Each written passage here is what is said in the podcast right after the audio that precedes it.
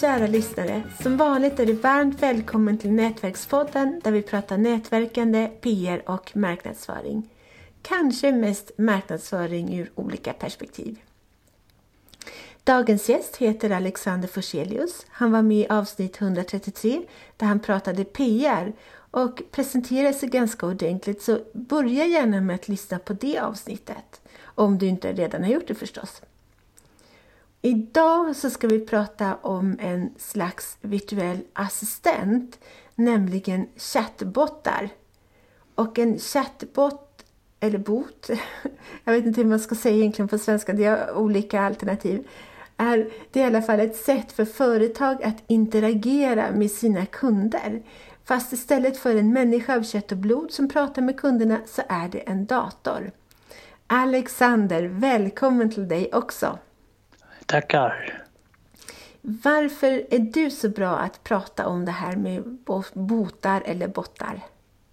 Jag jobbar ju med programmering och håller ju på med såna här saker, liksom att automatisera och integrera mellan olika system.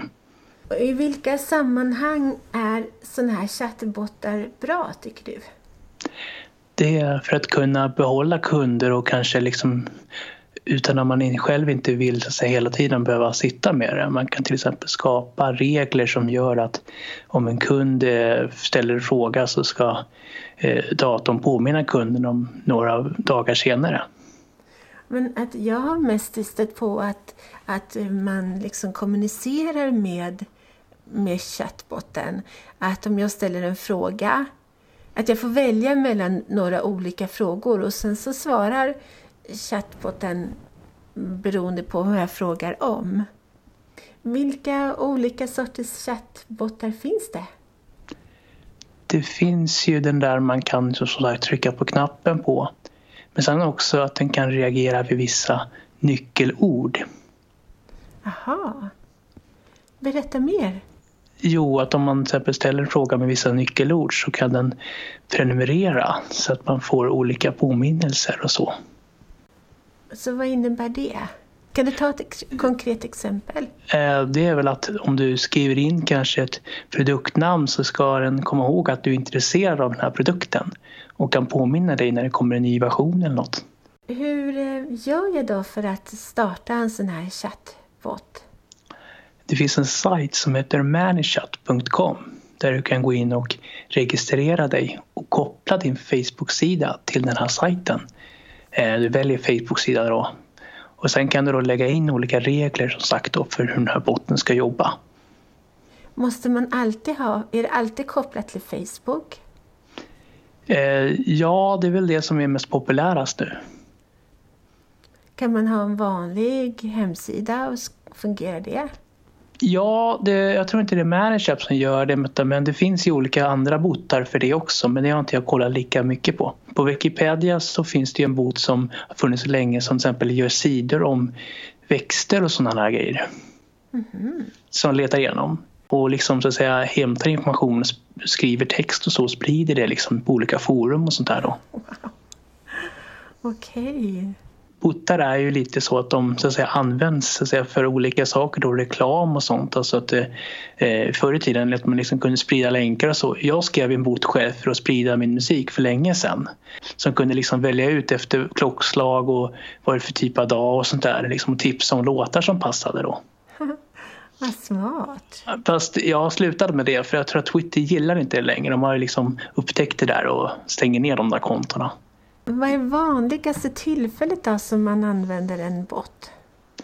Ja, alltså, jag tror att det är just för meddelande och sånt. Att man kan exempel, man kan väl säga att den enklaste boten, om man ska säga det primitiva, det är ju en autosvar när du till exempel skickar något till en support. Att du skickar till exempel, hej jag har problem med datorn. Detta är ett autosvar. Vi har tagit emot ett meddelande och kommer besvara det inom 24 timmar. Här är ditt ID-nummer. Uppge den om du kontaktar oss igen. Man kan också säga det i bokföringen att det finns en slags bot som läser dina mejl. Att det är många bokföringsprogram när man jobbar så kan man få in såna här eh, botar då där man så att säga vidarebefordrar sina fakturor till den mejlen. Då läser den av och bokför fakturorna i det systemet automatiskt. Jaha. Så det är en slags bot också kan man säga som läser av mejl och lägger in i scheman och sånt där. Liksom, sådana tjänster exempel som bokför kvitton och räkningar och sånt där. Jag jobbade tidigare med dating undrar om det inte är, används väldigt mycket båtar inom dating. I alla fall när det gäller att försöka lura av folk pengar. Ja, det är det det. Och det är där problemet är. Just därför man har blivit hårdare just med botar på Twitter och sånt där som jag höll på med förut. Då, liksom, att de, och sen också det där med fejkkonton som sprider. Alltså, inom journalistiken har man börjat använda botar för att skriva enklare nyhetsartiklar. Till exempel man eh, dödad av fågel eller föll från kaj eller såna där grejer. Liksom, när de refererar och sånt där liksom, kan man säga. Mm. Och sen så är det det då att till exempel då när det var Donald Trump-valet där så var det botar som som skrev fake news för att folk skulle rösta på Trump. Så hemskt. Så de har stängt ner en massa konton nu och sådär. Så det är mycket sånt det kan använda till såna olagliga grejer eller liksom tveksamma affärer. Och, och även man kan säga inom börsen finns det såna här botar som kan till exempel förvalta kapital som känner av när till exempel blir förändringar och säljer av och köper liksom aktiebotar och sånt där då. Okej. Så det finns en massa användningsområden för det. Jag fick en tanke själv när jag pratade om dating att i framtiden kanske kommer finnas en dating bara för botar, för robotar som kommer dejta med varandra. Som inga människor, alltså roboten tindrar andra robotar. Ja, det vore spännande. Ja, det är det verkligen och jag tror att det där med botar kommer bara öka just för att man kan man pratar om att i framtiden när du ringer till Försäkringskassan eller det är ju faktiskt redan idag när du ringer till då säger de så här Berätta vad du vill ha hjälp med. Gäller det bostadsbidrag? Ja. Har du uppge din inkomst och sådär så kan de liksom förgranska ditt ärende innan det kommer till en handläggare till exempel. Så kommer de att göra tror jag. Alltså att man liksom kan, ja, att eh, en dator kan liksom fråga de frågorna som man ofta ställer som handläggare innan själva vanliga handläggaren träder in. Men om, om jag skulle vilja skaffa en sån här bot via till exempel ManyChat, är det komplicerat? Tar det lång tid att installera det? Nej, det, det, går väl ganska snabbt då. Men det, måste ju, det är ju så att det är en gratisversion och en betalversion då. Så du kan inte ha lika många botar aktiva i gratisversionen och sådär då. Vad, vad innebär, vad, vad, kan man göra då i gratisversionen?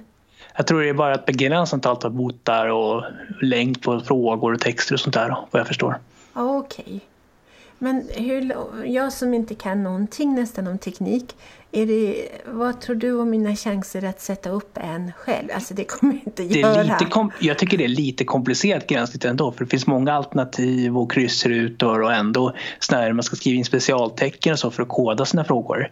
Ett exempel är att man kan välja ett svar där ens namn ska speglas inom en variabel, en slags koder liksom.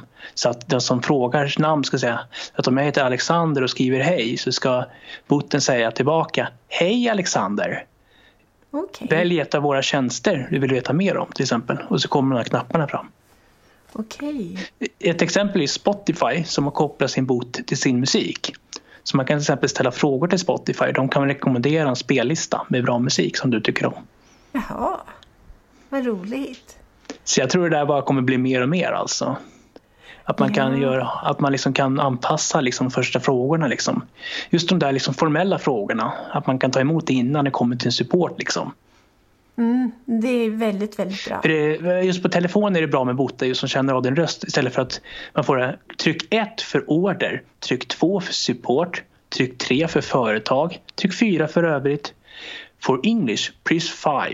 Och då kan den känna av liksom att om det är svenska eller engelska eller istället fråga vad behöver du hjälp med? Datorer, bra. Jag vill ha hjälp med skrivare. Skrivare support. Vad för skrivare har du? Sådär, liksom, så att den kan liksom kommunicera de enkla frågorna först. Mm. Och sen om det behövs mer hjälp så skickar jag till en handläggare. Vilka rekommenderar du då, om vi tänker småföretagare, vilka rekommenderar du att skaffa en bot? Men tänk om, om småföretagare som vill skaffa en egen bot och ha i sin egen verksamhet, vilka är det någon särskild kategori företag då? Ja, jag kan tänka mig, ja, det är lite svårt att säga men det kanske är eh, Ja, eh, som dig då när man har säljer olika produkter, att man kan få alternativ för produkter och sådana där grejer liksom. Vi har olika Facebook-sidor för nästan alla ja. produkter. Ja, då får du skapa en bot för varje Facebook-sida. Ja, men då behöver jag nog ingen i alla fall. Nej, jag vet inte riktigt. Det är ju det att det är en ganska ny teknik också. Eh, för några år sedan pratade man om att det skulle bli de nya apparna, liksom, att det skulle ersätta App Store, liksom, att man bara skulle skriva frågor. Jag kan tipsa om en bot som var intressant och det var det här för pizza. Att det var en sajt där man kunde beställa en pizza genom att bara skriva Hej, jag vill beställa en pizza. Eh, och då frågade den till exempel adress och vart du skulle betala och sådär. Liksom. Och sen så skickade den ut pizzan, hade jag för mig att det fanns en sån. Ja, häftigt. Och, och eh, det finns tydligen en bot om kriskommunikation. Jaha. Ja. Apropå Nätverkspodden då, så kanske det var en intressant bot som de håller på att testa i USA på rymdresor. När de ska åka till, vet, vet, åka till Mars så är det ju det att det är långt att kommunicera då. Då håller de på att titta på en artificiell psykolog som ska hjälpa till att medla i raketen om det blir fel. En datorpsykolog som ska kunna hjälpa till att förstå till exempel relationer eller om det blir bråk och konflikter och sånt där. Superbra. Så Vad det är roligt. väldigt mycket. Ja, väldigt mycket. Ja, men stort tack Alexander för att Det var roligt att få vara med och berätta det här. Kul. Det här avsnittet presenterades av PR-tjänsten Hjälp en journalist. Hjälp en journalist är till för företagare som lättare vill få publicitet i media samt för journalister som lättare och snabbare vill hitta intervjupersoner till sina artiklar, radio och tv-program. Vill du veta mer? Gå in på www.hjälpenjournalist.nu Jag repeterar www.hjälpenjournalist.nu Hoppas att vi hörs!